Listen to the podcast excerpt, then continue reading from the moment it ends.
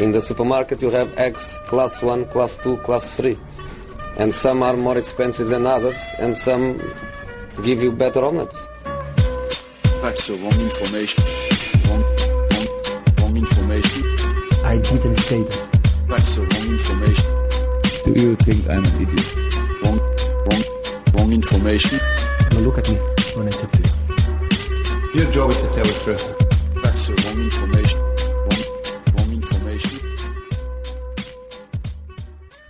Sillypodden, måndagen den, nu ska se så jag säger rätt här. Är ju fake news-spridaren. Jag vet men jag tänker inte hjälpa dig nu. You're on your own. 22 tror jag det är. Ja det är korrekt. Vi titta här. Ja, 22, måndag den 22 januari. Ja, 22 januari. Men okej, men du är nästan rätt. 22 januari, ja. Eh, Nu blir jag ju rättad med en gång. Ja. Det hade varit klädsamt om du kunde rätta mig när jag hade fel på saker i andra sammanhang också. Uttalet satt inte där. Så är det. där och pillar. Sanchez Mkhitaryan hör du. Ja. Det har liksom dominerat nyhetsflödet ett par dagar nu. Ja kan man säga. Eh, Nu är det ju klart, det finns inte så jättemycket att tillägga egentligen. Nej. Alltså när det gäller själva affären, vi behöver inte spekulera Nej det behöver vi inte göra. Det har ju inte presenterats än. Det kommer väl göra nu precis när, precis när vi spelar in det här så kommer det vara något jättemärkligt, någon askonstig presentationsvideo som vi inte hinner få med i den här podden av någon anledning. Definitivt, eller att det är någon summa, att det inte blir något byte. Ja. Men man kan väl stanna, för det tycker jag ändå inte är så diskuterat. För vi, jag har ju varit duktig på att avfärda alla rykten som in- involverar två spelare som ska byta klubb rakt av med varandra. För att det, Mm. det sker liksom inte. Och nu sker det faktiskt igen. Vilket ju Ja. ändå, man får ju säga lite häpnadsväckande utan att ta till för stora ord. Eh, Jag letar efter min, mina hörlurar här. Jag förstår. jag försvann lite. Eh, Ja. Ja men det känns, det känns lite, och då, då har jag någon egen slags teori som jag tänker bekräfta, eller bekräfta, så jag tänker dra här eftersom du liksom inte ens är närvarande nu så det går liksom inte att Så, spela jag någon slags poddspels samtals eh, Nej, grej nej, med det nej. här utan jag får ju, Nej, men det jag, blir, monologpodden helt ja, enkelt. all ears igen. Ja. Mm.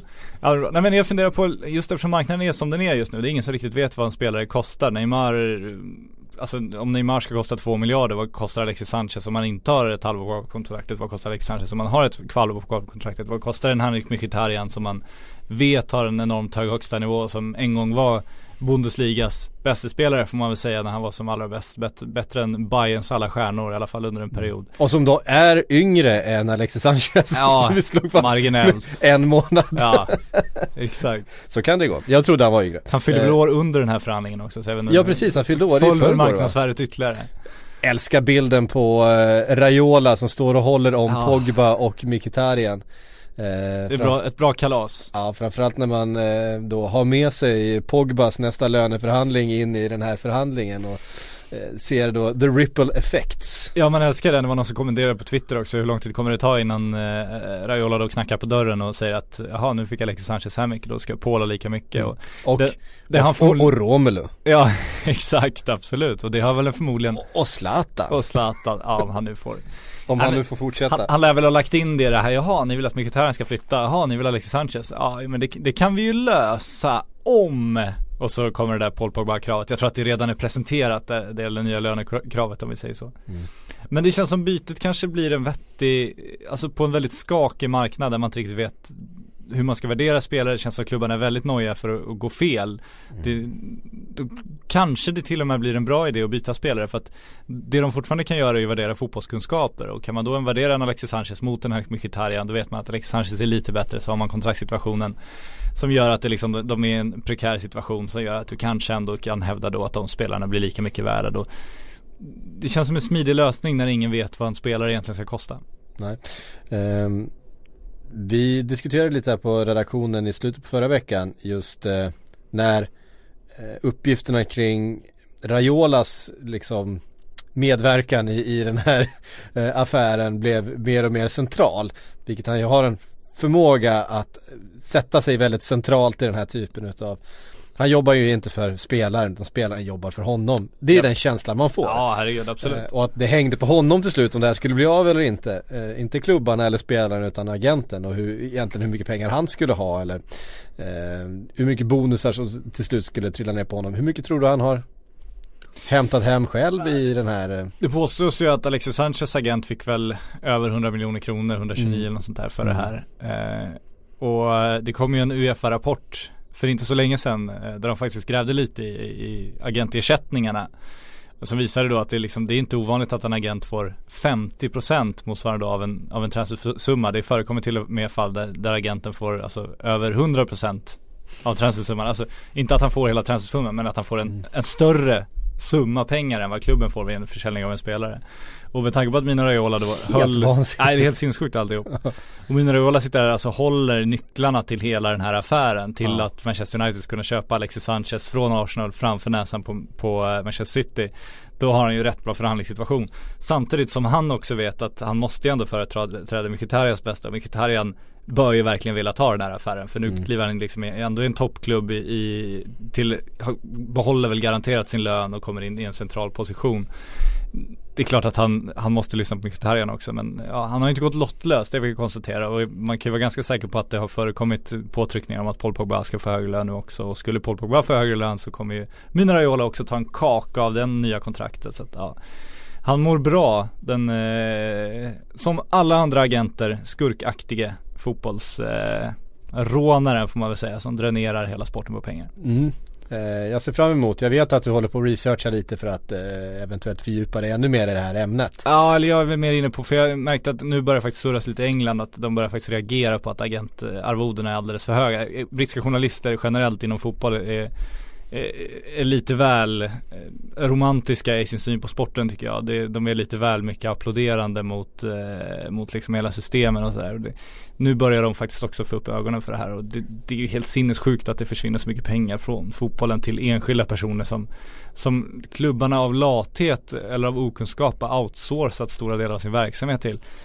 Det är helt sinnessjukt och när man får en liten inblick bara i det liksom svenska agenter gör och deras jobb och sådär så är det Alltså fotbollen behöver inte den yrkesgruppen. Det, det, det är liksom klubbarna ska kunna hålla med egna scouter, klubbarna ska kunna eh, ha egna kontakter med varandra och sen ska spelarna absolut ha någon som företräder dem vid kontraktsförhandlingar. Det är ju klart det är så men det räcker ju att någon har en juristexamen. Mm. Jag tycker liksom där, jag, jag skulle vilja flytta makten från, från spelaragenterna och från spelarna till klubbarna igen. Det är liksom det som är min poäng. Vi har ju varit inne på uh, Wolverhampton och Jorge Mendes. Vi kallade honom för sportchef för Wolverhampton och var det något Wolves-fan som hörde av sig och sa att han var inte alls sportchef.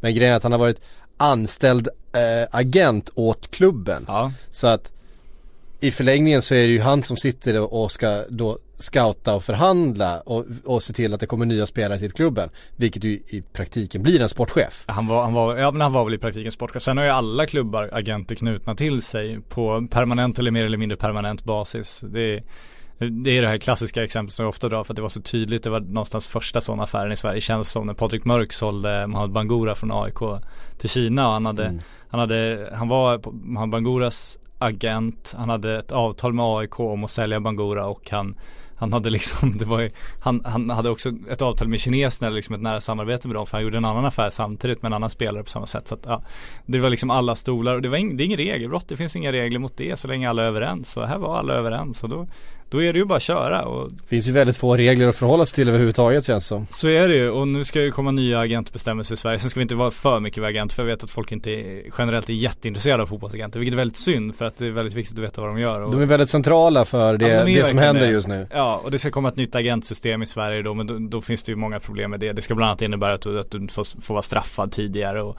och sådär. Men, men det finns många svårigheter om bara Sverige har ett agentsystem. Hur, vad hindrar någon agent skriven i ett annat land från att göra affärer med en svensk klubb och liksom, alltså det kommer gå att dansa runt det där utan problem, helt övertygad om. Eh, Om det är någonting som de är bra på och anställda för att göra så är det ju dansa runt eh, olika regler. det är ju lite och, deras expertis. Ja. Ja, precis. Eh, Om vi då tittar på den mer sportsliga sidan utav den här bytesaffären då. Eh, Sanchez till Manchester United. Vi har varit inne på det lite grann. Eh, vi vet att eh, Alexis Sanchez gillar att spela till vänster. Vi har en Martial som är fantastisk tycker jag eh, på den sidan. Eh, vi har en Rashford som har gjort väldigt bra där. Eh, och på högersidan försvinner ju då en Mkhitaryan. Och det är ju på högersidan man tänker sig att det finns eh, plats.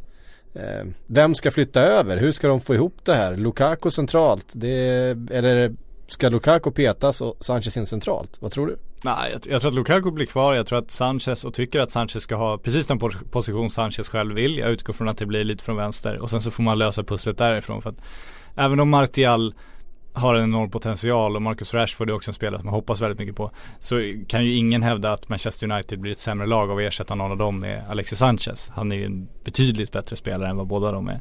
Så att de får gott slava till höger om det skulle vara så tycker jag. Sen får man ju se, Jesse Lingard har ju haft liksom en, en liten släpande eh, Ja precis, han har spelat mer centralt ju. Ja sin precis, Nummer 10 och position. vad, vad innebär det med Alexis Sanchez kanske vi bryter in lite i planen också. Jag vet inte vilka friheter han kommer ha på det sättet. Och, ja, han har ett pussel att göra det men, Mm. men någonstans får man ju börja med, om man är i Manchester United situation just nu, man kan inte, ja men vi skiter i Alexis Sanchez, vi behöver en kille till höger. Nej, vi kan få Alexis Sanchez, Manchester City vill också ha Alexis Sanchez, vi kan ta honom från City. Mm. Eh, ta Alexis Sanchez och bygg därifrån. Mkhitaryan då å andra sidan. Ehm, kan vi också ställa sig frågan till hur han ska in i Arsenal. Fast det är ju på något sätt mycket lättare att se. Ja. Eh, tycker jag. Eh, gillar att utgå från höger. Eh, vi har en till Walcott som visserligen inte har spelat så mycket den här säsongen men som har försvunnit. T- senast är det väl Maitland Niles, eh, 19 år gammal som har startat där. De har ett, beho- ett större behov kan man väl säga. Ja, överlag. Sen kommer vi ju in då på Aubameyang och den affären som nu också håller på att sys ihop. Det där hemliga mötet som var igår. Ja. alltså är det någonting som Aubameyang inte är bra på så är det ju att vara hemlig. Eh, För man tar inte sin helt unika silvriga Porsche till ett hemligt möte. Ja, det var ändå boka en privat flygplatsterminal för att liksom ligga lite lågt. De flyger in Arsenal-ledningen dit, nu är det, nu är det hemligt här liksom. Så kommer Aubameyang och rullar in och parkerar sin silver Porsche där. Han är ju ett geni alltså. Men diskretion är väl inte det han jobbar Nej. med riktigt, det kan man väl inte påstå. Eh, han står i centrum. Och då eh, får vi väl utgå ifrån att den affären också är ganska nära att eh, bli verklighet. Ja det får man ju lugnt säga. Sen, sen ska faktiskt Aubameyang försvaras av att han nästan fick en, en, eh, en överman idag när, när Hamburg skulle presentera sin nya tränare. Och nu har jag tappat namnet på honom men det är för, för detta Hamburg-spelare, ingen så jättevälkänd eh, tränarnamn som kommer från en, en, en klubb i tredje divisionen närmast. Han gled in i sin bil med en, liksom en dekal från sin förra klubb på bagagehuvudet när han körde förbi fotograferna. Den är inte heller så jättesmidig kanske. Det är ju underbart ju. Ja det är underbart. Men det tycker man ju om. Ja. Ehm, och då får vi stoppa in då, om vi tittar på den sportsliga eh, sidan, då får vi stoppa in Aubameyang i det här pusslet också. Helt plötsligt tycker jag att vi hamnar i en situation där Arsenal faktiskt kan spela med en front tre inte olikt den som till exempel Liverpool spelar med. med en, en, Men hur tänker du här då? För jag antar att du ska behålla Lacazette på något sätt. För det Ja. känns inte som Wenger är redo Nej. att flytta på Lacazette. Nej jag tänker mig helt enkelt en, en, eh, en trio med Lacazette, Mkhitaryan och Aubameyang. Sen är ju frågan där har du två stycken som egentligen vill utgå från, alltså centralt och en från höger men någon får ju liksom ta en eh, vänster eh, utgångsposition också. Ehm, får se vem det blir men det är liksom är ganska stor skillnad med att starta med dem eller starta med en Iwobi eller Danny Welbeck. Ja så eh, är det ju. Kan jag tycka. Och, ehm, ja men det är också, där, där tror jag att eh, Wenger kan få ihop det. Eh, jag tror inte han kommer spela med tvåmannaanfall för det har han ju inte gjort på, jag vet inte hur, tio år i alla fall.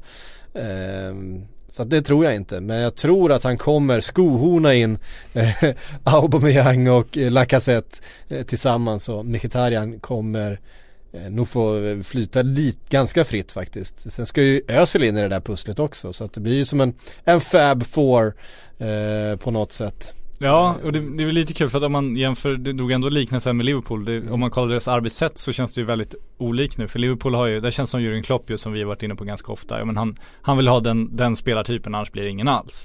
Samtidigt som Wenger nu har tvingats eh, Som ju Wenger också har varit. Alltså Ja. han vill verkligen ha det väldigt specifika. Det ska vara ett vara en bra affär men det ska också vara liksom rätt ålder, det ska vara utvecklingsbar, det ska mycket som ska stämma liksom. Men nu har han ju verkligen tvingats eh, liksom ta det han får och jag tycker han gör rätt som tar det han får för han får väldigt bra grejer till bra pris nu tycker jag men Men Mkhitaryan vet jag inte om han hade liksom scoutat för att köpa på det sättet eh, om man inte kunde få den här bytesstilen nu Aubameyang eh, vet man ju inte liksom om han hade gått in på om, om det inte hade varit för att han har strulat sig bort från Dortmund nu och hamnat på Sett till så att han själv har hamnat på marknaden på så tydligt sätt vilket gör att förhandlingspositionen också blir lysande för Dortmund har ju liksom, de kan inte använda honom nu Man ser ju verkligen fram, fram emot Aubameyangs eh, möte med Londons nattliv Ja. och den brittiska pressen.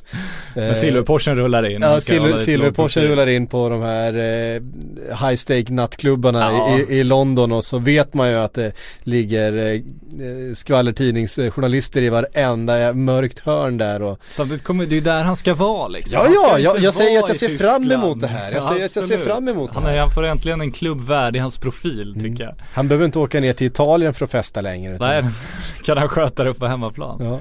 Ja, nej det blir intressant. Nej men det, men det vi får ju se Aubameyang också. Jag tror också att det kommer bli av nu liksom. Nu påstås det, det senaste att Arsenal vill ge 50 miljoner euro och Dortmund vill absolut ha 70 miljoner euro. Samtidigt vet man ju att Dortmund kan ju inte använda honom nu. De måste ju sälja honom nu. Mm. Så att de kommer nog enas till slut. ja men det tror jag också.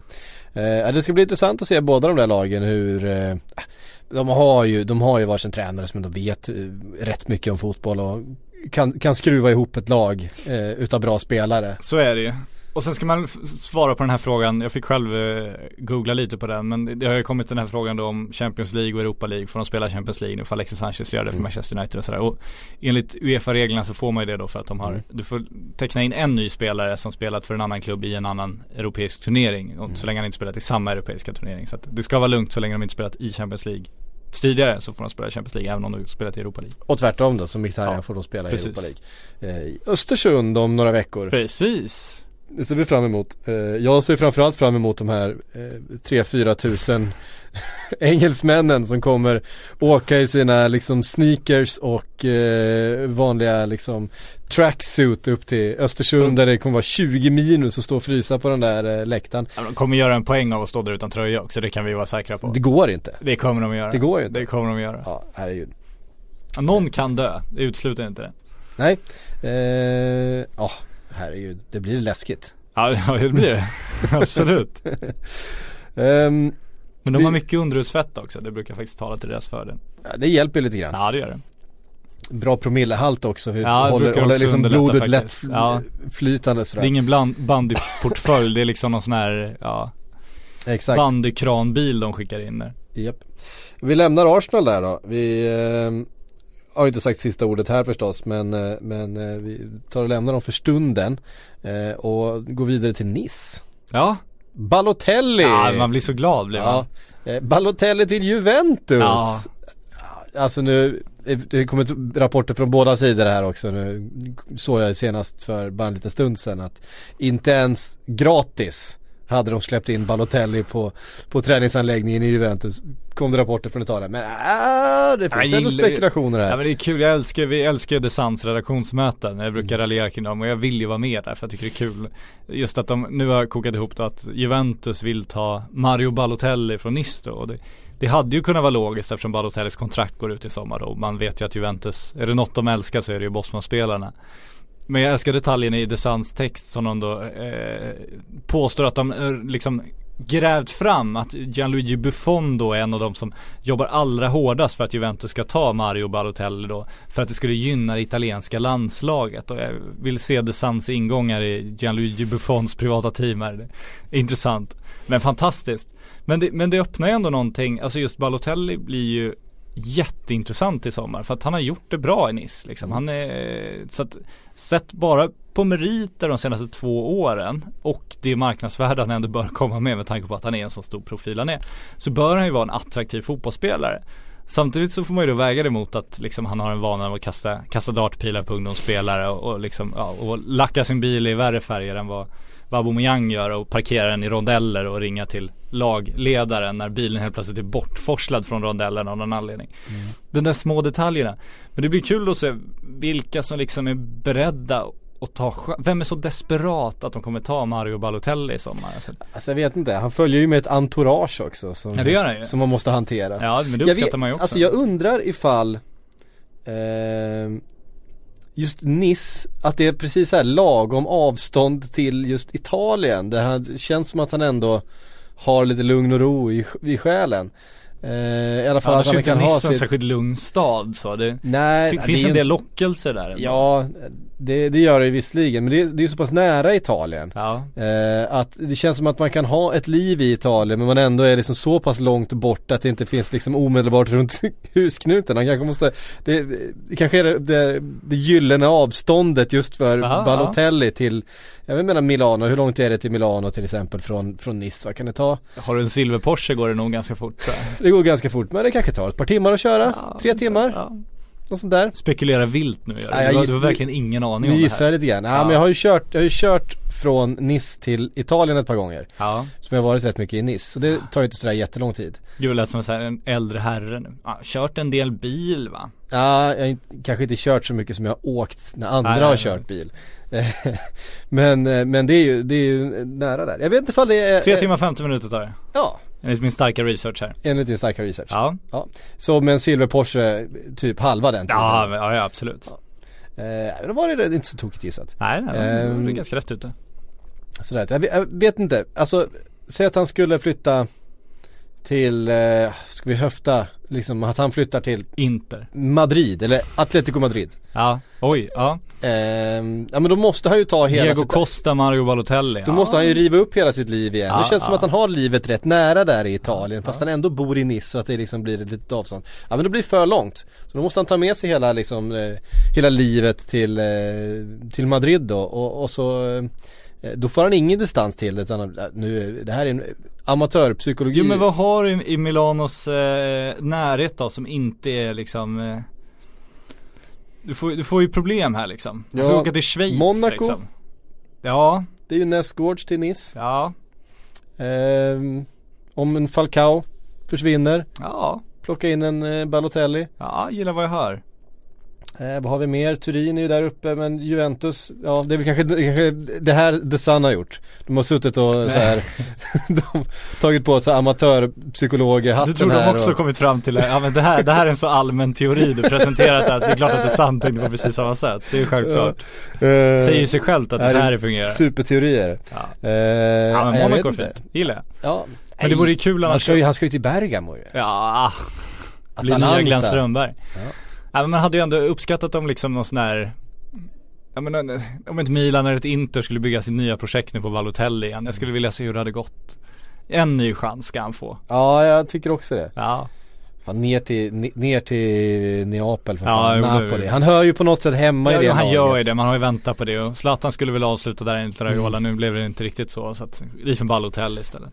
Balotelli, har han fortfarande Raiola som agent? Det måste han ha va? Ja måste han ju ha. Man kan ju inte bara valsa in och ut i den här agenturen hur man vill. Nej så är det. Uh, nej. Dzeko då? Ja, För det nya här, Andy Carroll. Nya Andy Carroll, precis. Dzeko till Chelsea. Enligt Sky Sports så eh, och det här är så jävla luddigt, jag älskar sånt där luddigt silly snack. Eh, discussions have entered a final stage. Ja. Är det Corriere så skulle det bara vara timmar bort eh, i morse så att det har gått några timmar nu och det är inte riktigt klart men ja. Det är sjukt luddigt och det är ju även då Emerson Palmieri som vi eh, har pratat om i tidigare poddar. Eh, som Chelsea ska ha ryckt och dragit i så att de är ute efter att eh, göra en dubbelvärvning här från Roma och det är klart man passar väl på då när Roma har lite, lite knapert. Ja. Och behöver eh, göra så. Jag tror inte att de vill sälja Dzeko men jag tror kanske att Chelsea kan lägga ett erbjudande de helt enkelt inte kan tacka nej till. Ja så är det väl och det är lite sorgligt att de är i den situationen som Mm. så många italienska klubbar har varit sådär när det närmar sig FFP-avräkningar och så så att de Ja. Det var väl en Sala som försvann eh, på ett sätt som man nu kan tycka var rätt skandalartat. Mm. Man sk- missköt sig så att man hamnar i den usla förhandspositionen. Ja, precis. Och jag menar i, med dagens marknadsvärde att, ja vad kostar han? 350 miljoner, 400 med klausuler lite drygt. Eh, blir, eh, alltså Sala, Ja, det blir ju det hjälper ju inte Roma heller när man måste släppa de spelarna som Nej, nej. ett mycket högre värde för ett sånt underpris. Jag menar det är det man måste göra eh, vid tidigare tillfälle och det är kanske det man känner nu att vi kanske måste sälja Dzeko nu före där vi kan få vad han är värd. Istället för att vi hamnar i en situation där klubbarna vet att shit ehm, den första juli måste vi ha dragit in de här pengarna så att Samtidigt vet han- klubbarna det nu också. Det är det här transferfönstret de har lite på sig att balansera det där. Så att ja, jag tror att de redan sitter i skiten om man säger så. Annars Mm. skulle de inte släppa Dzeko heller. Men ja, jag tror att de Sen, sen, sen litar ju Monchi på sitt, eh, på sitt värvaröga också. så Ja men vad fan, han får ju, om man, om man, spelar ingen roll hur bra man värvar om man inte kan förvalta sina försäljningar på ett vettigt sätt så blir det ju åt helvete ändå.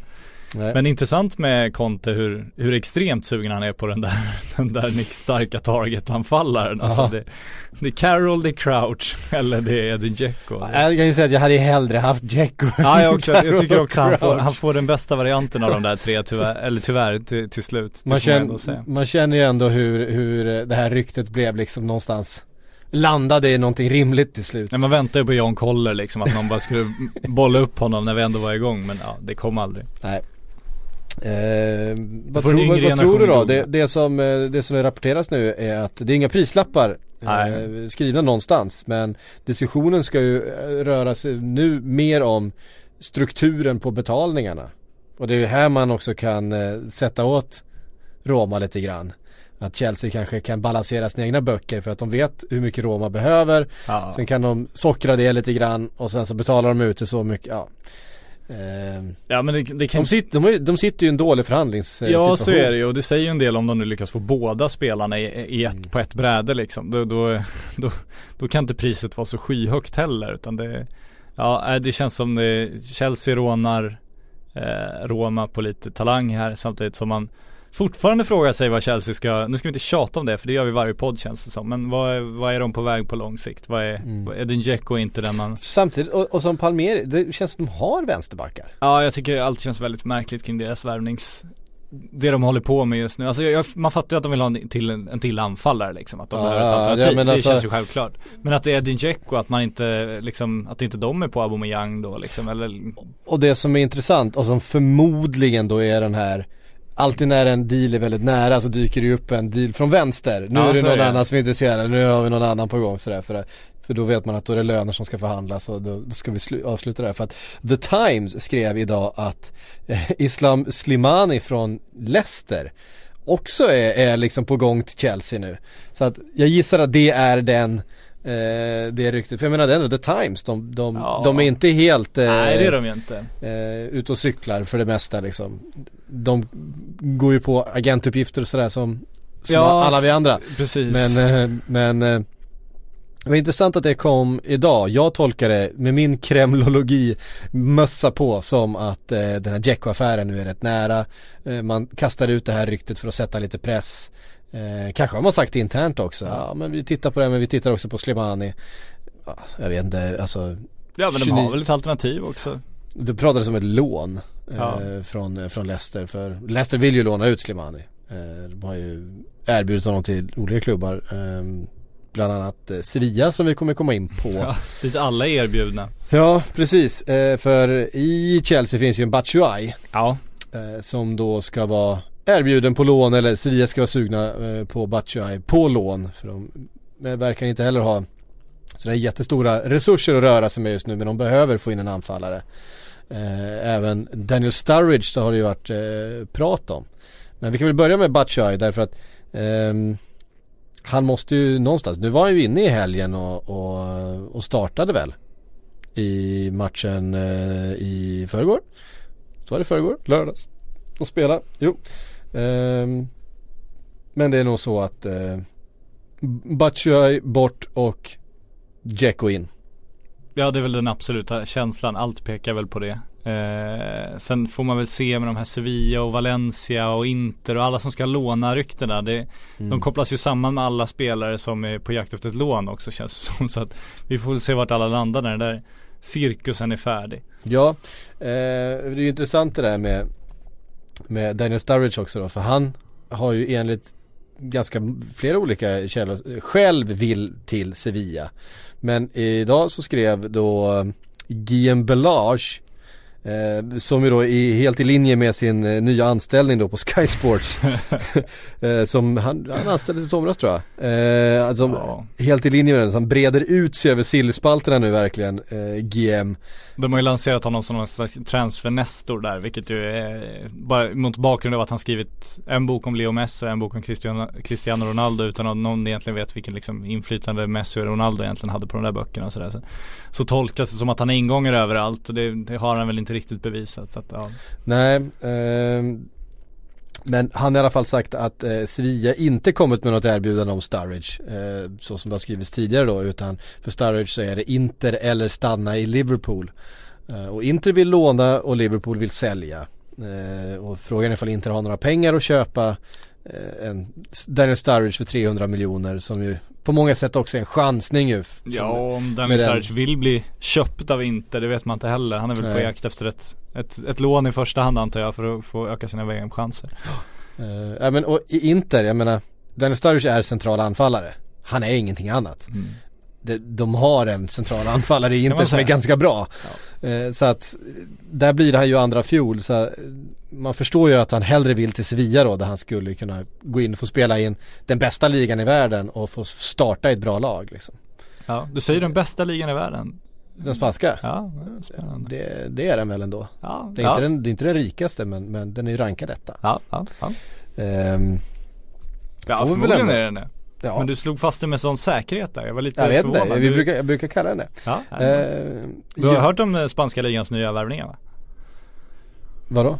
Ja, de har värvat nio spelare som nu placerats ut i sju olika klubbar. Eh, en i Villarreal, två i Villarreal, en i Levante, eh, sen några segunda klubbar som de köpt från, eller lånat utan kostnad från den saudiarabiska högsta ligan. Ah, det har jag faktiskt missat. Fantastiskt samarbetsavtal. Eh, ja men de, de ska då Alltså ligan som är, det här är am- amerikansk eh, Ja, det är helt sinnessjukt det. Det är verkligen helt stört. Saudiarabien lånar ut nio spelare alltså för att de då ska få, få erfarenhet av eh, fotboll i, Spanien då inför VM som de är kvalificerade för eh, i sommar. Just det. Eh, och så får de också då av eh, La Liga ska de då liksom ha ett akademisamarbete så, så Spanien eller La, La Ligas ligaförening då ska utveckla fotbollen då i Saudiarabien. I utbyte får då ligaföreningen då väldigt bra reklam i Saudiarabien och arabvärlden samtidigt som det där var lite pengar som går emellan också. Jättefint samarbete förutom den här lilla detaljen då är att Saudiarabien är en av världens mest förtryckande religiösa diktaturer och där kvinnor precis nyligen bara fått börja köra bil och de med att avrätta folk, de har dödsstraff, de utövar tortyr, de förtrycker minoriteter, de förföljer folk. Det, det är de här små detaljerna som man liksom inte riktigt bryr sig om i fotbollsvärlden. Ska inte blanda ihop fotboll och politik Nej precis, det är tråkigt när man gör det. Ah, Men hur, hur kan det här bara liksom, att det går så liksom obemärkt förbi som det ändå gör? Alltså världens bästa fotbollsliga, som vi väl får, får lov att kalla den för då. Ja, Skriver ja. ett samarbetsavtal med liksom en, en, en förtryckande diktatur som har några av de strängaste sharia-lagarna i världen. Och alla tycker bara, jaha. och, och sen så bara liksom så här, spolierar de hela fotbollssystemet genom att liksom placera ut spelare gratis i olika klubbar. Och de har då scoutat de här spelarna tillsammans med La Liga. La Liga och Villarreal liksom åkt tillsammans till Saudiarabien och så så här, ja men nu ska ni välja en spelare i det här, i det här landet, vem vill ni ha liksom? Så kollar de lite topplag, kollar landslaget så här, ja men han kan vi tänka oss att ha gratis ett halvår då. Alltså vad fan är det som pågår? Det är så hin- det är sinnessjukt. Ja, fan, det här, det här hade jag helt missat. Ja, men det- du, det- ja, det- du ser ju. Nyheten kom i helgen, vi skrev den idag. Eh, Mm. Men det, det är liksom, det, det rann förbi lite. Mm. Det Intressant. Men där tror jag också, eh, om man ska eh, dra det här ytterligare ett varv, vilket du ser extremt sugen ut på att göra. eh, det, det, det känns som det finns ett problem också, för att man vet ju att eh, man kan tänka att det är lite det här Newcastle-problemet. Att de som skulle bevaka Newcastle United, när de skrev någonting kritiskt så portades de då från klubben av Mm. Mike Ashley. Mm. Man kan ju tänka spanska journalister som liksom, där du verkligen är profilerad på fotboll. Gör du fotboll i en spansk stortidning så gör du ju bara fotboll. Alltså, Mm. det kan ju finnas en rädsla där att vara alldeles för kritisk mot det här för att liksom, det är ändå det spanska La Liga du jobbar med. Ja. Och där tror jag också hela agentproblematiken finns. Att liksom, i, i en bransch där mycket handlar om att avslöja nyheter och det kan man väl avslöja utan, för det här är ingen hemlighet på något sätt men liksom 98% av alla transfernyheter kommer ju från agenter till, Mm. till journalister. Så är det i alla fall i Sverige. Mm. Där märker man ju också att journalister som har väldigt täta band med, med agenter skriver på ett visst sätt om en agent är spelare. Och det ska man inte göra. Det, men det blir ju en märklig situation när du liksom, om du bränner om du gör en nyhet som är negativ så kanske du bränner en kontakt som kan ge dig 820 000 andra nyheter. Samtidigt blir det ju ett system där agenterna är väldigt skyddade för att ingen vågar ju kritisera dem. Och det tror jag har gjort att de liksom har hela vägen fram. Så det är ju dags att folk tar sitt ansvar och faktiskt Nej det, det, är ju, tittar på dem med objektiva ögon också. det är ju det som det var någon som skrev till oss eh, angående Di Marzio, vi brukar säga Mm. att han i Italien har, brukar ha väldigt bra träff, träffrate när han ska liksom ge sig in i de andra ligorna så brukar vara lite sämre.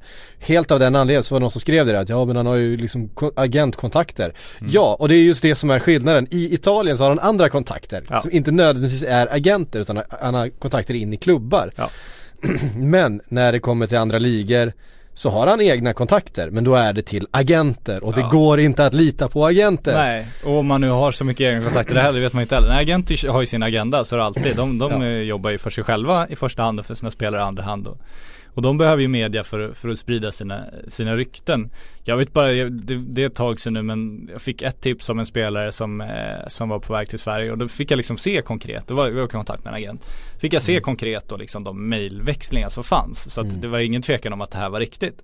Och så skrev jag om det ryktet och då tog det kanske liksom 10 minuter innan en annan allsvensk sportchef då hör av sig till den här agenten och bara Jaha, är han aktuell för, för allsvenskan nu? Det, kanske vi kan vara intresserade.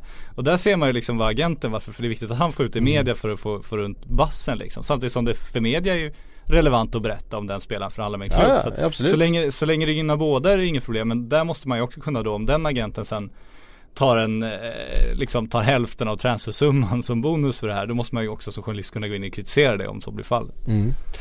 Eh, absolut.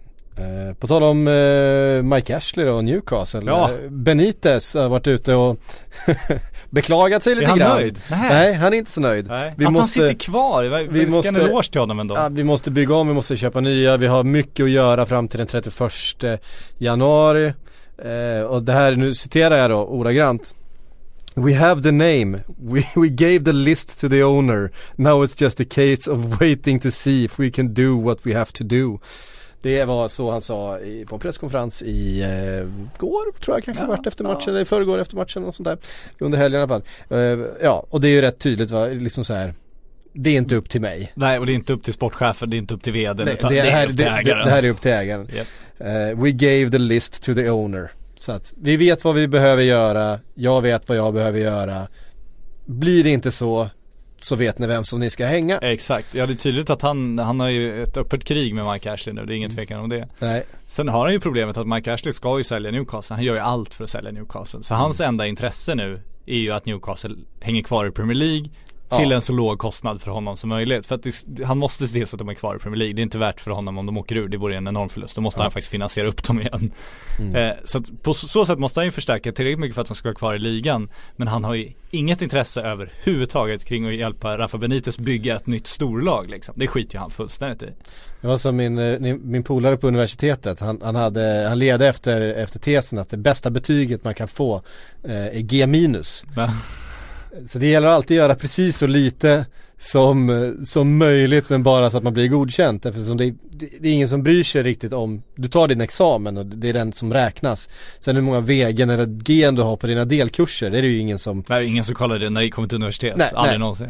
eh, Så han hade den så här att det, det, fick han mer än, mer än G minus då kände han att han hade gjort för mycket. Ja. Då hade han ansträngt sig för hårt. Ja, det, det, är precis, det, det, det, det är lite det Mike Ashley håller på Ja med. exakt, och där finns det ju, det är ju en farlig balansgång då. Kompis och kompis, det var jag. Det var du, ja exakt. ja, det är en Eh, farlig balansgång för eh, anstränger du dig då lite för lite och får ett, ett, Nej, då- ett underkänt betyg, då har du Då ju måste, problem. då måste liksom. jag anstränga mig dubbelt, för då måste jag göra en omtenta. Exakt, så att det Eh. gäller ju att ligga rätt där. Exakt. Eh, och på tal, Otroligt bra liknelse, på- på ska du ha för. på tal om eh, förtryckande diktatorer Ja. så, så eh, tittar Juventus nu på nordkoreanen Kwang Song från eh, eh, Calgary. Ja, Eh, 15 miljoner euro eh, för honom och det är, det är ju kul, mest för att han är nordkorean känner jag. gillar också att, Sen är det en succéspelare från säsongen att han har gjort eh, ett gäng mål på de här 17 omgångarna som han har spelat. Jag var inne och såg det nyss men jag får inte upp, han har gjort sju mål tror jag. Ja, 17 så matcher. Ehm, vart spelar han sa du? Calgary. Ja de har ju skickat, det finns ju en, en eh, akademi i Italien som har ett samar- nära samarbete med Nordkorea. Som, För Nordkorea har ju precis som Kina och precis som Saudiarabien insett att eh, det finns väldigt mycket PR och väldigt mycket att vinna på att vara bra i fotboll.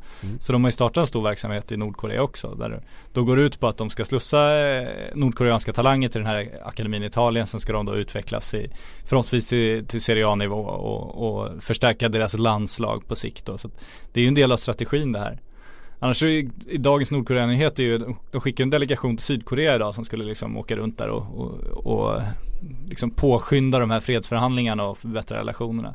Och den eh, Nordkoreas diktator skickar då är alltså sångaren i sitt favorittjejband. Det tycker jag ändå är bra. Favorit Sitt favorittjejband. Så han har många, många favorittjejband. Eller många tjejer han tycker om men han har bara ett Han har bara ett favorit. Man kan bara ha ett favorittjejband. Så är det. Mm, mm, mm. Aaron Lennon Ja, på den medicinsk, glade killen. ja, medicinsk undersökning hos Burnley. Ja, Han borde se glad ut, han flyttar sig en hel placering upp i tabellen om Ja, han flyttar absolut. från Everton till Burnley. Burnley är en eh, spännande klubb nu. Inte hur spännande det är. Ja. Eh, Nej, men Aaron- Dag, Dagmask-ätande Sean Dyche, Ja. läste de där eller? Nej, kör. Det var en, eh, ja nu kommer jag inte ihåg vad det var, det var en, eh, en före detta spelare som gjort en intervju, han hade tidigare spelat då med Sean Dyche när de var yngre. Och drar då en an- anekdot om eh, när de var då på gräsplanen och eh, det hade regnat så det fanns maskar. Så brukade Sean Dyche helt enkelt då plocka upp dem och äta dem. Ehm, och någonting som Sean Dyche då var tvungen att gå ut och dementera i förra veckan. Jo, jo, absolut. Eh, och då, det spekulerades då ifall han, hans väldigt märkliga och mustiga röst hade någon slags, om det fanns någon slags relation till hans maskätande och den här rösten. Det är en, en mustig historia. Mycket mask har Bengt Magnusson ätit sina dagar. ja, precis. Eh, men nu ska han i alla fall eh, värva Aaron Lennon. Undrar om det påverkat förhandlingarna och, och lönen för att spela för Sean Dyche just nu. Eh, det här maskätandet. Ja, fan. Det hade varit attraktivt att vara en sån ledare. Ja, Eh. nej men eh, Aaron Lennon, vad ska man säga om honom? Det blev väl inte Han har ju alltid varit lite en poor man Steve Walcott. Ja, ja så är det ju. Nu, nu bytte de upp sig så de fick alla vandra vidare. Ja det är ju verkligen så. Ja. Ehm, Det har inte riktigt lyft. Nej. Ändå eh, gjort vi får se- fruktansvärt många matcher i Premier League och så men det, det, det blev inte så mycket av det där. Han är 30 år nu så att, ja. Ja, nej, men fan han har en stabil Premier League-karriär Jo, sådär. Han- absolut, Vad men gjorde det- han? 8-9 säsonger i Tottenham. Ja men det är det jag menar, väldigt många matcher men det är inte så att om, om 15 år vi kommer gjorde han sitta säkert tre bara för att jag sa 8-9. Eh, Nej, han gjorde väl Jag vet inte hur många jag gjorde. 260 matcher något, jag vet inte. Ja. Eh, Ja men det är inte så att vi om 15 år kommer sitta och liksom byta våra bästa Aaron Lennon anekdoter Utan då kommer vi fortfarande Det kommer ju vara- det- det Då kommer vi fortfarande prata om Sean Dykes maskätande liksom Det- Och eventuellt presentationsbilden från Ja Everton. eventuellt, det är väl hans starkaste, starkaste avtryck Eh, Det är rätt roligt. Jag- Jag älskar också att klubben var tvungen att lägga ut nya där han faktiskt ler med tänderna liksom exakt. för det blev så, sån snackis. Jävla press nu inför att fotas med en Burnley-tröja också då. Ja, det det måste blir han jävligt intressant, intressant att se vilket flin han lägger Ja upp för. verkligen, gud vi hade älskat honom om han bara körde, alltså var ännu surare Ja alltså, Det är det han ska han, göra nu. han måste ju göra det. ja, det är ju då, Eller det, hysteriskt glad det är då han blir liksom en kultfigur. Ja, verkligen så Måste ju vara målet. Ja, Eh, hörru vi har fått en jättemassa frågor, vi måste eh, ta tag i dem känner jag. Bättre odds har skrivit, både Ronaldo och Bale ryktas flitigt till Manchester United. Vem hade ni valt och varför? Då måste jag ju säga först att Alexis Sanchez verkar ju få nummer sju i Manchester United. Och det tyder på att det inte blir någon Ronaldo till du lägger the det Red, the Red Devils. Ja, Det tycker jag, jag tycker jag är solklart. Ja, jag håller med. Nej, men, vet- men det Spännande med Real, jag såg dem igår De hade sin islossning, Cristiano Ronaldo ser ju Även om han speglar sig och känner igen sig själv så ser han ut som en helt annan spelare. Det är fascinerande att se alltså, att han har tappat självförtroendet. Det var ändå det man trodde att Cristiano Ronaldo aldrig skulle bli av med. Det var ju självförtroendet. Men det var någon situation där i 70 minuten han tar ner bollen på bröstet, han är två meter framför mål och han liksom mer eller mindre blundar och dunkar den utanför. Det är så häpnadsväckande att se. Mm. Så det blir kul att se vart marknadsvärdet är nu. För nu påstås det senast idag att, att han har fått beskedet av Real att det där nya feta kontraktet han vill ha efter att Leo Messi lyft sin lön och sådär. Det, det har de inte råd med. Det kommer de inte, inte bekosta. Och det kan man ju förstå med tanke på att han absolut inte har presterat efter det. Eh, ja men vart står han i sommar? Det är det, för vi, vi spekulerar lite på redaktionen när vi, liksom vad händer om, om Real till och med skulle missa Champions League? Nu kommer de inte göra det. Men eh, skulle Ronaldo vilja flytta för att det, det bara blir Europa League? Och så börjar vi den änden. Men det intressanta var diskussionen slutar i. Det är så här, vem skulle köpa Cristiano Ronaldo? Mm. Och det är där det känns svårt för innan Neymar kom loss till PSG så känns det som PSG satt och väntade på att antingen Messi eller Ronaldo skulle, skulle bli tillgängliga och att de skulle liksom ta den stora PR-kuppen. Nu fick de den i Neymar istället och då kommer de inte värva en Cristiano Ronaldo. Manchester United är José Mourinho så intresserad av att få in Ronaldo liksom i det skedet av sin karriär. Kanske även med lärdom av vad som hände med Zlatan. Att, eh, skulle han göra den korta, korta grejen PR-mässigt skulle det vara jättebra för United såklart. Men är José Mourinho intresserad av det? Är han intresserad av det efter den, den säsong Ronaldo gjort? Ett väldigt bra i Champions League ska man säga. Men en katastrof i La Liga. Det känns svårt. Juventus, känns som en Juventus-värvning men de skulle inte betala den lönen. Manchester City är absolut inte intresserade som ser ut nu. Arsenal skulle inte vara Ronaldo var särskilt intresserad av tror jag. Alltså det, det är svårt, svårt att placera honom någonstans. Mm. Gareth Bale har ju varit bra i år. Har ju bra målsnitt, var jätte, Ja, när- jättebra när- när igår. han har spelat. När han har spelat. Han har gjort Ja. nio matcher i år. Jag tror han, ja, varav några inhopp. Han är ju extremt skadedrabbad fortfarande. Mm. Vad ligger han marknadsmässigt? Vem är intresserad av att ta honom? Och, ja, det, det är intressant att det nu är, har Det är en vänt, väldigt liksom. dyr sjukhusnota. Ja men exakt, ja, men, och det är intressant från, från att vara sådär, ja men Ronaldo och Bale kan ju välja klubbar vart de vill. Nu har de kommit upp till åren och Bale har fått den medicinska historien som han börjar fundera åt andra hållet. Vem ska egentligen vilja ha dem till den Mm. kostnaden? Så att, ja, svårplacerat. Ja. Ehm, samtidigt som det kommer ju, kommer ju, kommer ju andra spelare. Vem, vem jag hade valt? Ja, det beror på vilket lag jag skulle välja honom till. Men om jag hade valt honom till Liverpool tänker du på då? Som Liverpool-supporter? Eller i ja men säg? Liverpool-supporter. Ehm, Jag tror att jag hade valt Bale faktiskt. Ja. Uh, det känns som att han har Om han bara blir frisk så har han ju fler år kvar i kroppen liksom och det känns som det, kän, det är ju också så här att jag menar en Cristiano Ronaldo Han är en sån jävla super super super ikon Mm. Så han är ju fotbollsvärldens största spelare Alltså han är ju inte den bästa i världen för det är Lionel Messi Men han är ju den största liksom eh, centralfiguren, alltså han är ju den största profilen, det största namnet, det största varumärket Plattformen, alltså vad, Mm. vad man nu vill kalla honom eh, Och det är ju också någonting svårt att, att trycka in Jag menar, om du har ett pussel och så har du en pusselbit som är eh, tio gånger större än, än hålet du har Eh, det blir liksom svårt även att, eh, även att det kan bli jättebra och du, du, det öppnar upp massa nya möjligheter liksom för din Din marknadsavdelning kommer din jag tolka då, som man säger så. Ja, verkligen. Men hur påverkar det gruppen? Hur påverkar det liksom allting runt omkring? Det är ju inget lätt Det är inget lätt pussel att göra men Nej, som spelare. Och det, det är ju inte så många spelare som är på det viset. Man såg ju Manchester United när Zlatan kom in eh, De kunde hantera det. De hade ju liksom den den storleken att de kunde absorbera den, den, den pelaren som Zlatan är. Men det får ju inte plats en till Zlatan i det laget när han har kommit in. Nu hade de, hade de Pogba och de hade Zlatan och där är det liksom så här. Det får inte plats, för det blir för lite utrymme kvar till någon annan. Ska, skulle det in en Cristiano där också, då blir det antingen för lite utrymme rent PR-mässigt för Zlatan och Pogba eller för lite för Ronaldo för att någon av dem skulle tycka att det var okej eller för att deras sponsorer skulle tycka att det var godkänt. Ja, Och sådär. och även Uniteds marknadsavdelning, de är nog ganska nöjda med Paul Pogba. Jag tror att han är en, Mm. större kraft att ha för framtiden än, än Cristiano Ronaldo. Så att, ja, det vore nog inte, de är, det är nog inte odelat positivt där. Nej, det är svårt. Ja, det är det är svårt. Men det, man känner är ju liksom, ska han göra liksom en David Beckham och försöka eh, fiska ett miljardavtal borta i USA liksom? Ja, vi pratade om det också. Tror, min bestämda uppfattning är att det finns spelare som drivs av pengar och så finns spelare som drivs av prestige. Det känns som Cristiano Ronaldo bara drivs av prestige.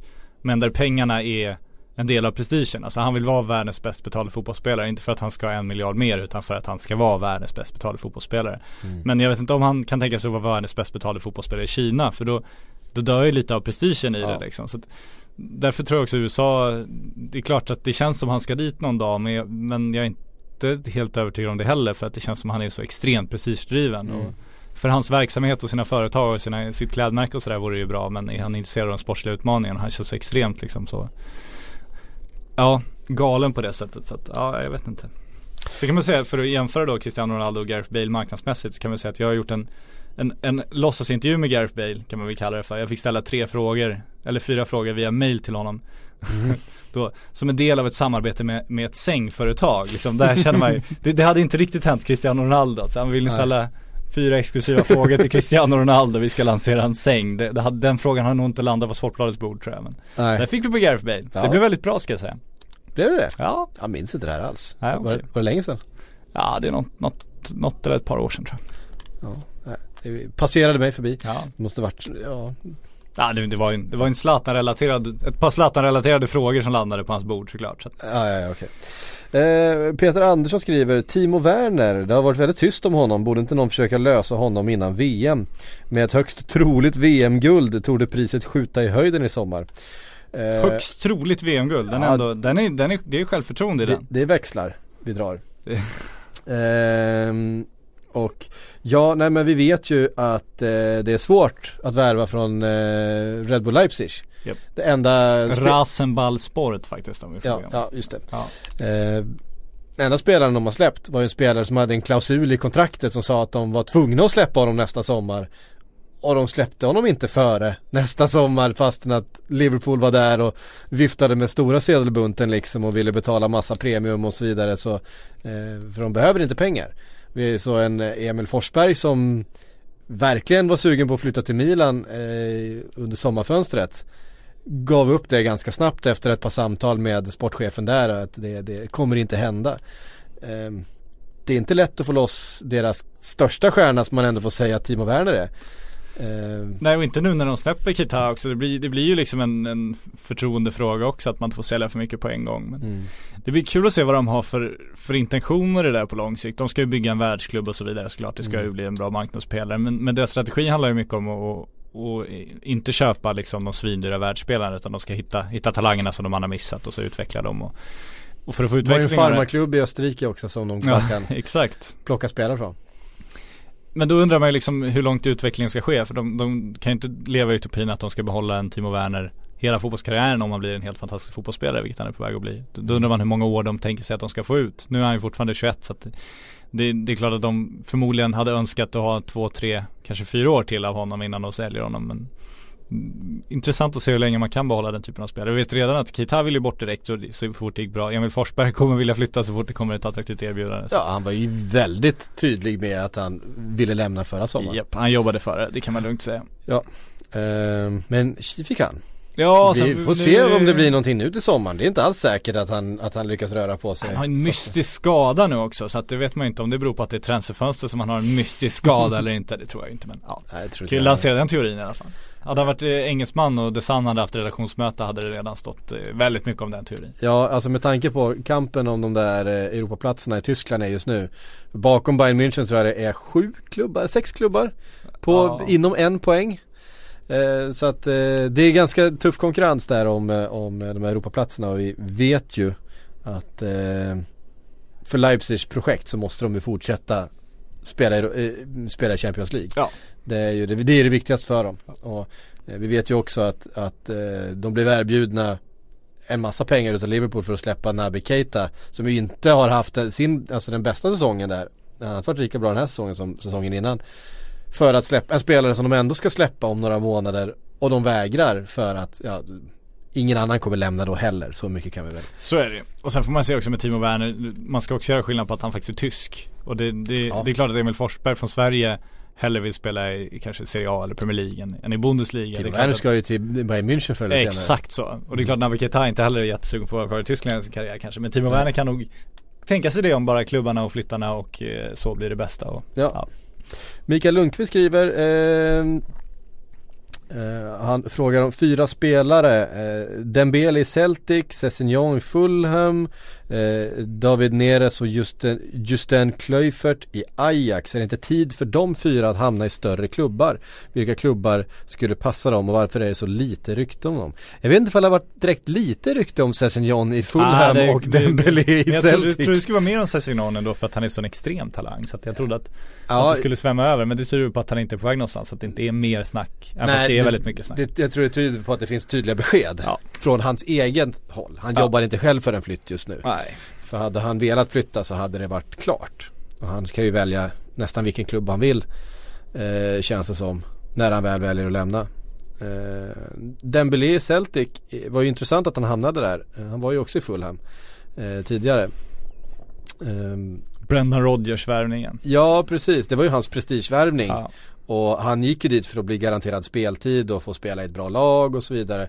Har ju inte gått så otroligt bra som man hade kanske tänkt sig att det skulle i Celtic. Det har ju gått väldigt bra men, men han har ju inte varit Celtics överlägset bästa spelare liksom som man nästan hade behövt vara om det skulle vara liksom en, en trampolin rakt upp till liksom eh, de största klubbarna. Eh, och när det gäller David Neres och framförallt Justin Kluivert kanske bara för att han Hans pappa var väldigt bra Japp, det, det bidrar. Det roliga med, med Justin Kluivert är att jag tycker att Alltså de, han är rätt olik sin, eh, sin far i spelstilen. Han är ju liksom inte speciellt lång och han är liksom eh, väldigt sådär typiskt modern. Eh, bra med bollen, eh, jättesnabb teknisk, låg tyngdpunkt, lite Hazard-typen. och- kan man säga. Eh, och sådär gör, gör en del vackra mål och sådär. Och det är klart Ajax och talanger det, det tror jag också att de själva är med på att de utvecklas väldigt bra i den miljön just nu. Eh, jag tror allting här handlar om att de själva, att deras agenter inte har tryckt på knappen, nu är det dags att lämna. Eh, det tror jag är anledningen till att vi har hört lite mindre. Det är klart att det kopplas ihop att det är klubbar som är intresserade och hör sig för och så vidare. Men före det kommer någon slags signal om att de själva är sugna på det där steget som jag man ju helt övertygad om att alla de här fyra spelarna eh, kommer vara i de Ja, st- stora ligorna, de stora klubbarna eh, de närmsta åren. Men, Ja, eh, ja, jag ju- tror också. Det är ju tonåringar vi pratar om liksom så att de, de hinner. Ja, jag tror också som du säger att när de väl säger att nu är det dags då kommer det, då kommer det ryktas och då kommer det hända saker. Eh, och bara därför då så tar vi upp då ett eh, Session John-rykte. Bara för att jag tyckte det var roligt. För att Erik Engstrand skrev, eh, skriver eh, vänsterbacken Matt Target, vilket är ett jätteroligt namn i, i, i Silly-sammanhang. Eh, lånades eh, från Southampton till Fulham idag. Kan det innebära att eh, Ryan Session John säljs under transferfönstret vart i så fall? Och nej, det tror jag inte. Ehm, Nej, han känns ju inte som en januarivärvning. Januari, då, då hittar man alltså bra möjligheter. jag, jag skulle inte alls bli förvånad också ifall Sessin John och hans team har liksom dealer med kanske, kanske, kanske fler klubbar än en att man har paket färdiga, det här är liksom sättet jag skulle komma in i det här laget, här finns det en plats, här finns det speltid, här finns det ena och det andra liksom för att den positionen sitter han i, alltså så, så talangfull ung engelsk spelare då, då är man rätt attraktiv. Ja. Ehm, Olof Wängborg skriver, eh, vilken skulle vara den perfekta tränaren att ta över efter Wenger? Gärna i sommar skriver han. Vadå ta över efter Wenger? hur? Vad pratar han om här? Nej, Wenger är kvar för alltid. Ja, det nej, vet det ni. Där, det där. Eh, Det där tänker jag inte ens bemöta. Nej, det var, det var dåligt. Ja. Han har dessutom ett helt år kvar på kontraktet Ja, efter det här året så att det, det kan vi ta, nä- det kan vi ta nästa vår i sådana fall. Ehm, mm, mm, mm. Patrik Alexandersson skriver, kommer Nabil Fekir röra på sig i detta fönster? Eh, ja, det har ju, alltså han var bra i helgen för Lyon när de slog eh, PSG. Har ju varit eh, vi skad, han skadades, han drog väl korsband för ett par år sedan och eh, var ju en stor talang och har kommit tillbaka och har varit väldigt bra den här Eh, han har liksom fått typ sitt genombrottsår då efter eh, korsbandsskada och så vidare så han liksom kommer tillbaka upp på nivå ehm, Jag är helt övertygad om att han kommer lämna Lyon, jag tror inte han kommer lämna nu det här fönstret Det känns, det känns inte som det är den där eh, den spelartypen, den där offensiva mittfältaren, dribblen liksom. Det, det känns inte som det är den spelartypen som de flesta klubbarna letar efter just nu. Eh, det känns som det är väldigt mycket mittbackar och vad säger man, stora centertankar som det ryktas om just nu. Kan vi Eh, landa i Memphis Depays eh, för sitt liksom charmlösa målfirande också efter segermålet där? Ja det kan vi Det göra. är så fruktansvärt. Han, han drar av sig tröjan, fortfarande inte av sig tröjan. Sen när hans lagkamrater redan hunnit fram till honom får han liksom kämpa av sig tröjan. Så lyckas han slut liksom bli naken på överkroppen då har han sin gigantiska lejontatuering på ryggen som han visar upp för pressen och så Dagen efter kommer tidnings första sidorna såklart liksom, Depay med sin tatuering och så Som på ett brev på posten kommer hans sociala medieuppdatering liksom med den där jävla bilden och Men det man blir ändå så arg över att liksom tilläggstid mot PSG, det är för Lyon årets största match i alla fall i ligan. Han avgör liksom med ett drömmål när det liksom är sekunder kvar av matchen. Och inte ens då förlorar han sig själv så mycket sina känslor att han glömmer bort vilken målgest han ska göra för att liksom maximera sin uppmärksamhet av det här. Det, det, det smärtar mig det där. Ja det är lite eh, obehagligt faktiskt. Nej men det är klart, eh, Nabil Fekir han är, tror jag, eh, 24 år gammal och liksom är på väg in och nå sin, sin peak. Ja, Det är klart att han kommer lämna Lyon och, eh, och skriva sitt stora kontrakt där, och skriva sitt för det här storlaget. Sen vilket det blir, det har ju ryktats till en massa olika klubbar. Det pratas om Arsenal, det pratas om Barcelona och allt möjligt liksom. Men jag tror inte att det blir nu i januari, jag tror att det blir i, i, i sommar i sådana fall. Har du noterat PSG-värvningen då som gått helt under radarn? Så läkarundersöktes idag. Uh, ja, är det eh, Lass? Ja, Eh, ja, ja, det har jag faktiskt Otroligt noterat. lite skriveri. Ja, väldigt lite, men han kommer gratis. Ja. Och man undrar lite vad han ska dit och göra. Jag, jag gillar ju Lass. Eh, jag tycker att det är en, en, en jättefin fotbollsspelare på många sätt men, men man undrar, har han verkligen det kvar i sig? Ja det undrar man verkligen. Men det, jag, jag är fascinerad av att det, det, liksom, det var verkligen det, det är ingen som skriver om det nästan. Det är Nej. ändå killar som spelat i Real, Ja, Chelsea, Arsenal. ja. Ja, det är spännande. ja. Eh, Lasana Diarra. Lasana Diarra. Mm. Eh, skönt Det namn väl, att säga betalar han fortfarande av den här gamla böteslappen undrar man också.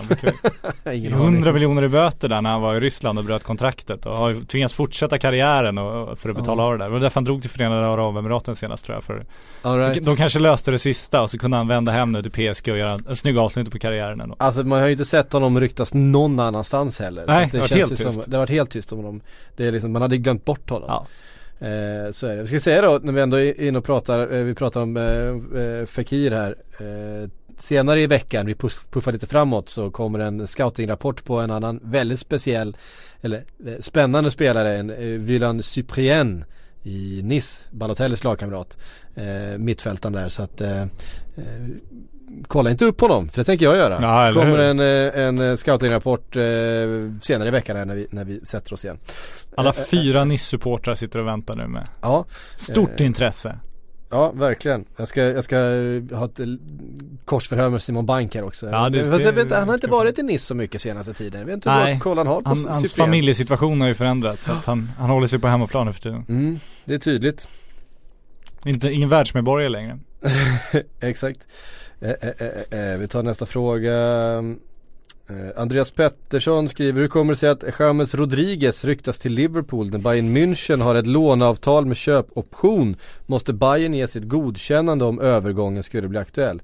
Eh, bara rent teoretiskt, om någon skulle köpa James Rodriguez utav Real Madrid nu när han är utlånad till Bayern München och de har en köpoption så borde väl de ha eh, företräde för, Ja, jag utgår från det. för, för köpet.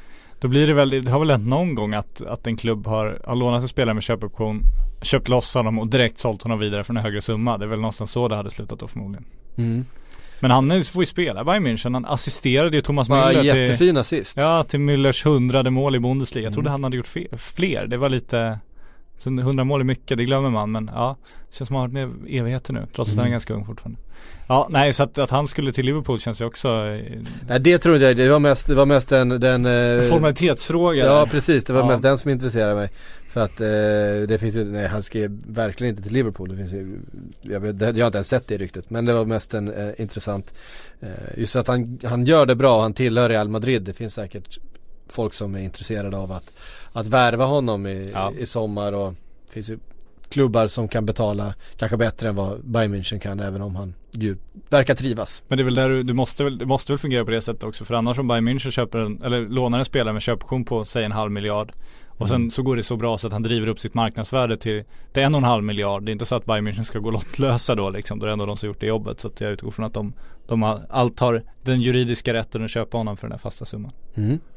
Eh, Alexander Ådjär skriver, eh, Akin Fenva har ju bytt klubb vartannat år den senaste tiden och därmed bör det bli dags till sommaren då hans kontrakt går ut. Eh, har ni hört något om hur landet ligger? Eh, alltså en spelare som egentligen bara är känd för att han tar jättemycket bänkpress. Han skriver en bok för att han tar jättemycket bänkpress liksom. Han är Beast ju- mode. Ja, fantastiskt sjukt. Ja. Ja, eh, Men underbar att vi fortfarande karaktär. jobbar med den här typen av freakshows är också fascinerande. Ja, eh, men han är ju en fantastisk karaktär ju. Ja, absolut, herregud. Det är det han lever på. Ja, eh, men som Liverpool-supporter så får man ju också en liten uppdatering eftersom han då och då står på Anfield. Han är ju stort Liverpool-fan. Så står han ju där på läktaren ibland och, och, och jublar och så dyker alltid upp en liten video i sociala medier. Här står Akin Fenwa och, Ja. och, och dansar. Det nådde mig också senast, så de har bra spridning av de här videofilmerna också. Ja. Eh, eh, eh, eh, Erik Stjärnman, eller Skärman ska, det kanske stå. Jag är inte helt säker. Det kan vara jag som har skrivit fel. Läskunnigheten där. Skrivkunnigheten Den snarare. brister lite. Eh, Därför är det podcast. skick- Skicka via mail. Det är kul det också. Ja, eh, verkligen. Eh, tjena Patrik. Jag vet inte vad det är med jag det menar. är ju praktiskt. Ja, både Malcolm och eh, Lucas Moura ryktas till Spurs. Finns det chans att någon av dem kommer direkt i januari? Jag tänker framförallt på Malcolm. Ryktet om Lucas känns mest som något agenten vill ha skriverier om. Eh, vi har ju varit inne på Malcolm eh, tidigare ju och då var det ju Arsenal som det, som det ryktades om. Det har väl inte känts som att det blir någon, någon januariflytt för honom. Och han är ju en ung spelare också. Att det många som är där och försöker kratta manegen för en värvning till sommaren kanske. Ja, det BBC skrev om Arsenal-intresset är att de har, har, har liksom lämnat det nu för att de Mm. tycker att eh, hans värdering sett till hans bristande erfarenhet, de, de Mm. matchar inte. Wenger tycker inte att det är en, en rättvis värdering av honom så han är helt enkelt för dyr. Och det är väl, En, Weng, en, en Wengersk slutsats. så är det och det får man ge honom. Det, jag gillar att han har sina principer. Men som vi var inne på när vi gjorde scouting-rapporter på honom så har han ju spelat i stort sett fyra hela seniorsäsonger redan. Ja, så är det. Eh, och varit helt skadefri så att han har ju spelat oerhört mycket seniorfotboll så att jag kan ändå tycka att det finns en anledning till, han kommer nog pika tidigt. Ja, Vi brukar ju prata om det att en fotbollsspelare, alltså slår de igenom som 16-17-åringar som ju Malcolm har gjort. Då pikar de rätt tidigt men då kommer det också vara Wayne Rooney är ju det här klassiska exemplet. Eh, slår igenom som 16-åring, han har sin bästa tid kanske när han är 22, 23, 24 snarare än han är 27, 28, 29 som de, som de flesta spelarna. Eh, att man, man har ungefär, man har ett livsspann som fotbollsspelare som är ungefär lika långt eh, oavsett hur tidigt man slår igenom. Det är klart det finns undantag. Eh, som en Cristiano Ronaldo eller en Lionel Messi liksom som är freaks på det sättet. Eh, men man skulle kunna tänka sig att en Malcolm, även om han är så pass ung, ändå kommer nå sin peak om inte allt för många säsonger med tanke på hur mycket fotboll han har ja spelat. absolut. Sen gör det ju ont i mig. Det kom lite nya bilder på Malcolm när han var ute och flög med någon flickvän eller vad. Han har otroligt noppade ögonbryn. Sån här, sån här spaning jag gjort. Har du problem med det? Nej men jag känner så här, jag, det, det, det, det är lite sorg jag har varje gång för att Vi pratar om football manager här på redaktionen, det är spelet Patrik Mm. Fortfarande inte öppnade och idag frågade hur ser det ut när man spelar matcher i football manager? Det är helt ofattbart att du inte ägnar dig åt det här Det är, jag, jag, har- skäms å dina vägnar nej men det är ju, har man aldrig gjort det så, så saknar Ja, man ju inte. skäms. Ja, men, men jag tycker det är så synd för då när man eh, hittar en, en ny talang i Football Manager, Malcolm är inte så okänd sådär men när, när han dök upp där i spelet, jag vet inte vilken, vilket årgång han blev riktigt bra i men Då bygger man ju någon slags så här fantasifigur av honom i ens huvud liksom att säga men den här typen av, ja men ung brasse, ja vad kul, då kanske han ser ut så här och liksom så, så får man någon slags bild precis som man får en vision av vem som helst och så ser ju alla ut precis som alla andra fotbollsspelare gör. Det är så jävla tråkigt att de landar där. Liksom, alla fotbollsspelare formas ju verkligen precis samma person. Det är som Jesse Lingard, det dök upp bilder i veckan. För några år sedan var han liksom den här härliga unga grabben som liksom stod och som det här från barnspel Manchester United supporten som verkligen kändes som liksom kid, killen från Kid from the block liksom. Mm. Jennifer Lopez om man ska använda hennes termer. Och, så stannar bilen och lirar, lirar boll med grabbarna i kvarteret fortfarande och sådär. Och så kom det någon bild från hans liksom semester i Barcelona, ligger någon lyxsvit i någon soffa som liksom är rund så att den liksom går upp i en cirkel över honom över hela taket typ. Och så, och så ligger han liksom så här, som om någon bara har dränkt honom i Gucci-butikens, liksom, alltså, det var Gucci från liksom topp till tå bara. Han, han ser fortfarande ut som Jesse Lingard, den här glada lilla grabben liksom. Men ändå så här, hela jävla Gucci-förpackningen. Fan, kan, kan ingen sticka ut lite? Och då ska jag slå ett slag för The Sun, kommer jag på nu. Det här var Ja. helt osökt, det var inte hit jag ville landa. Men de hade en fantastisk artikel idag, idag som handlade om Så här klär du dig som Hector Bellerin, fast till ett mycket lägre pris. Ändå en briljant artikel. Stilikonen. Ja, den var bra. Ja, herregud, vi får runda med det. Tack för att ni har lyssnat. Vi är tillbaka snart igen. Ehm, ja, hej då. Hej då.